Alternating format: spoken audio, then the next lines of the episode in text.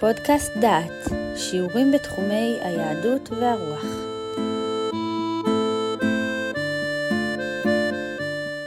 ברוכים הבאים לפודקאסט דעת לקורס ירמיהו ותקופתו. בשיחה זו נעסוק בפרק י"ג ונבדוק את השאלה מה משמעותם של המעשים הנבואיים. פרק י"ג בירמיהו כולל נבואה בלתי שגרתית. בעוד הנבואות הרגילות הן נבואות בהן הנביא מדבר אל העם, בנבואה זו הנביא עושה מעשים הבאים לסמל משהו, וזה תיאור המעשה. כה אמר אדוני אליי, הלוך וקנית לך אזור פשתים, ושמתו על מותניך ובמים לא תביאהו. ואקנה את האזור כדבר אדוני, ואשים על מותני. ויהי דבר אדוני אלי שנית לאמור. קח את האזור אשר קנית, אשר על מותניך, וקום לך פרטה, וטומנהו שם בנקיק הסלה. ואלך, ואטמנהו בפרט, כאשר ציווה אדוני אותי. ויהי מקץ ימים רבים, ויאמר אדוני אלי, קום, לך פרטה, וקח משם את האזור אשר ציוויתיך לטומנו שם. ואלך פרטה, ואכפור, ואקח את האזור מן המקום אשר טמנתיו שמה, והנה נשחט האזור, לא יצלח לכל. עד כאן תיאור המעשה, וכאן ראוי להעיר הערה גיאוגרפית. פרט זה, שירמיהו טומן בו את האזור, הובן על ידי פרשנים רבים כנחל פרת שבעיראק היא בבל, היא אור כסדים. זה קצת רחוק למעשה סמלי זה. פרשנים חדשים מזהים את המקום כעין אל פרה, כחמישה קילומטרים מענתות, עשרה קילומטרים מירושלים, לא רחוק מהיישוב עופרה של היום. נבואה זו, שהיא עשיית דבר כדי לסמל משהו לרואים אותה, במקום לומר דבר הבא למסור משהו לשומעים, היא סוג מיוחד של נבואות. וכדי להבין מה טיבן של נבואות אלה, נלמד קטעים מדברי הרמב"ם במורה נבוכים, המסביר את משמעות הנבואה ומייחד פרק למעשה הסמלי שבנבואה. ואלה דבריו של הרמב"ם. מורה נבוכים, חלק שני, פרק מ"ו. דע שכמו שאדם רואה בשינה שהוא נסע לעיר פלונית והתחתן שם, ושהה שם זמן מה, ונולד לו ילד וקרא לו בשם פלוני, והיה מצבו ועניינו כזה וכזה, כן המשלים הנבואיים האלה, הנראים או הנעשים במראה הנבואה, לרבות מעשים שהמשל ההוא מצריך, ודברים שהנביא עושה, ותקופות זמן הנזכרות בין מעשה למעשה על פי המשל, ומעברים ממקום למקום, כל אלה הם במראה הנבואה בלבד. אין הם מעשים מציאותיים של החושים החיצוניים. אני אציין לך מזאת מה שאיש לא יטעה בו. ומאותו חלק תביא ראייה על כל מה שלא ציינתי. מן הדברים הברורים שלא יטעה בהם איש, דברי יחזקאל. אני יושב בביתי, וזקני יהודה יושבים לפניי, ותישא אותי רוח בין הארץ ובין השמיים, ותבא אותי ירושלימה במראות אלוהים.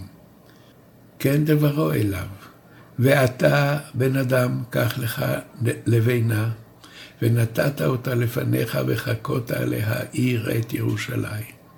ואתה שכב על צדך השמאלי, ושמת את עוון בית ישראל עליו. וכן דברו, ואתה בן אדם, קח לך חרב חדה, תר הגלבים תיקחנו לך. והעברת על ראשך ועל זקניך. כל זאת ראה במראה הנבואה שהוא עשה את המעשים האלה שנצטווה לעשות. והאל נעלה מכדי שישים את נביאיו לצחוק ולעג בעיני השוטים, ויצווה עליהם לעשות מעשים לא מקובלים.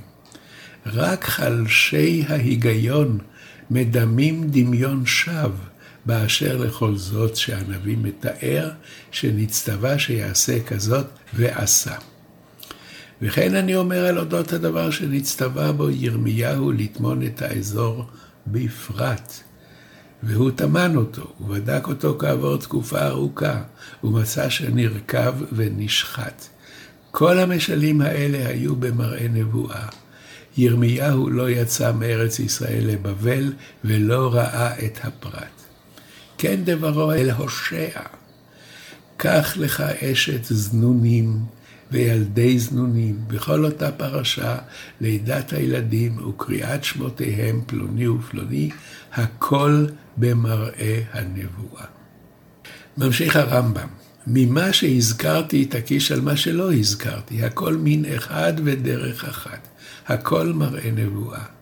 לכן כל הנאמר במראה זה שהוא עשה בו, או שמע, או יצא, או נכנס, או אמר, או נאמר לו, או עמד, או ישב, או עלה, או ירד, או נסע, או שאל, או נשאל, הכל במראה נבואה.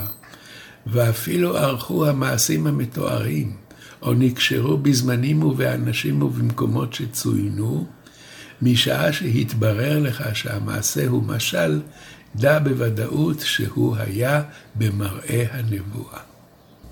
אנחנו צריכים לברר לעצמנו, מדוע מפרש רמב"ם את המעשה הנבואי כמשל, ולא כמעשה שנעשה בפועל ממש?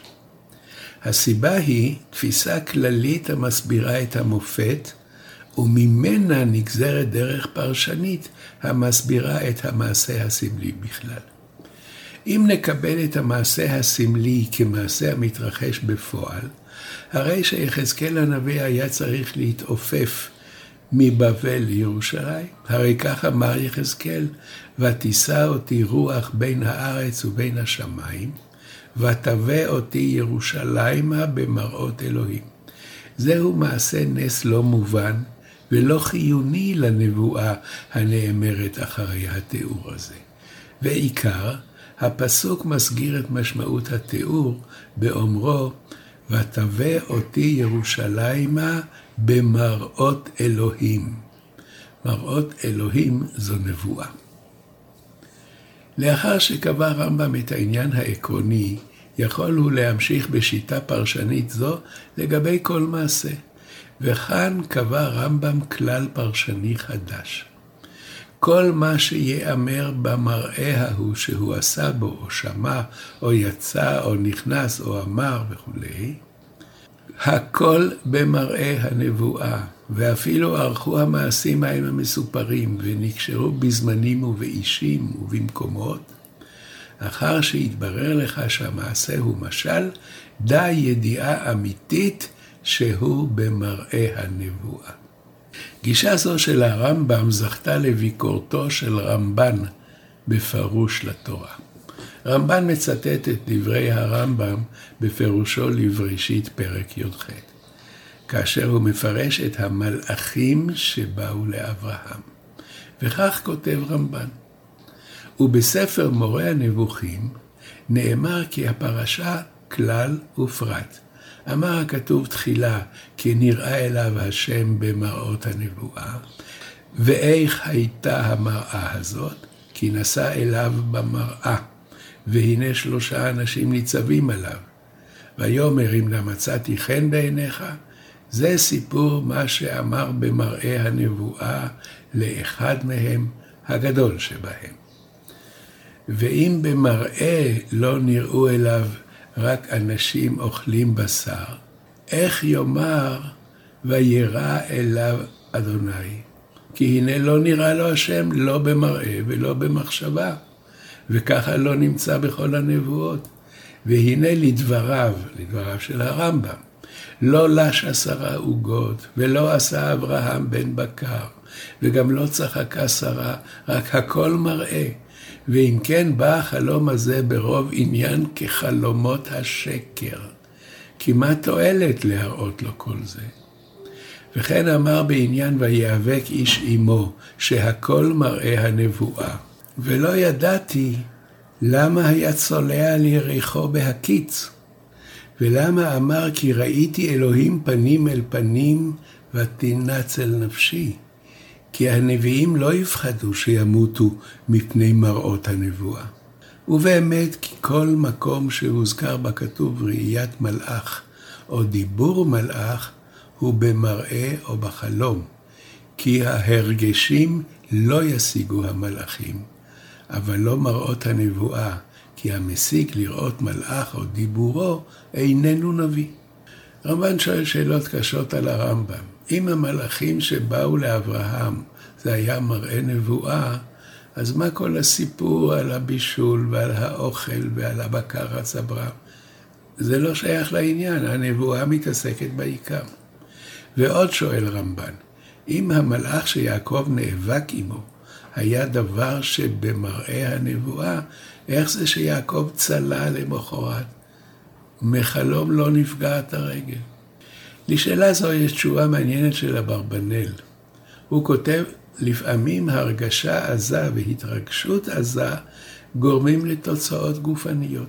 בהחלט ייתכן שיעקב נאבק בחלום עם המלאך, אבל היו לכך תוצאות פיזיות, והוא צלע. ניתן לסכם את נושא הנבואה והתגלות בדרך זו. רמב"ם, שכדרכו ממעיט בשינוי סדרי בראשית, מפרש את מראות הנביאים כחלום נבואי. רמב"ן שואל על כך, אם כל הסיפורים הם נבואיים, הם כוללים חלקים חסרי צורך. מה צורך לחלום חלום נבואי על שלושה מלאכים האוכלים אוכל שבישל להם אברהם? תפקיד ההתגלות היה למסור מידע ולא לתאר ארוחות. רמב"ם מסכים בתחום אחד, כאשר אדם רגיל רואה מלאך, אין זו ראייה נבואית אלא חלום. כי לא כל אחד הוא נביא, ולא לכל אחד יש מראה נבואה. אם לבן ואבימלך זכו להתגלות, לא הייתה זו נבואה, אלא חלום.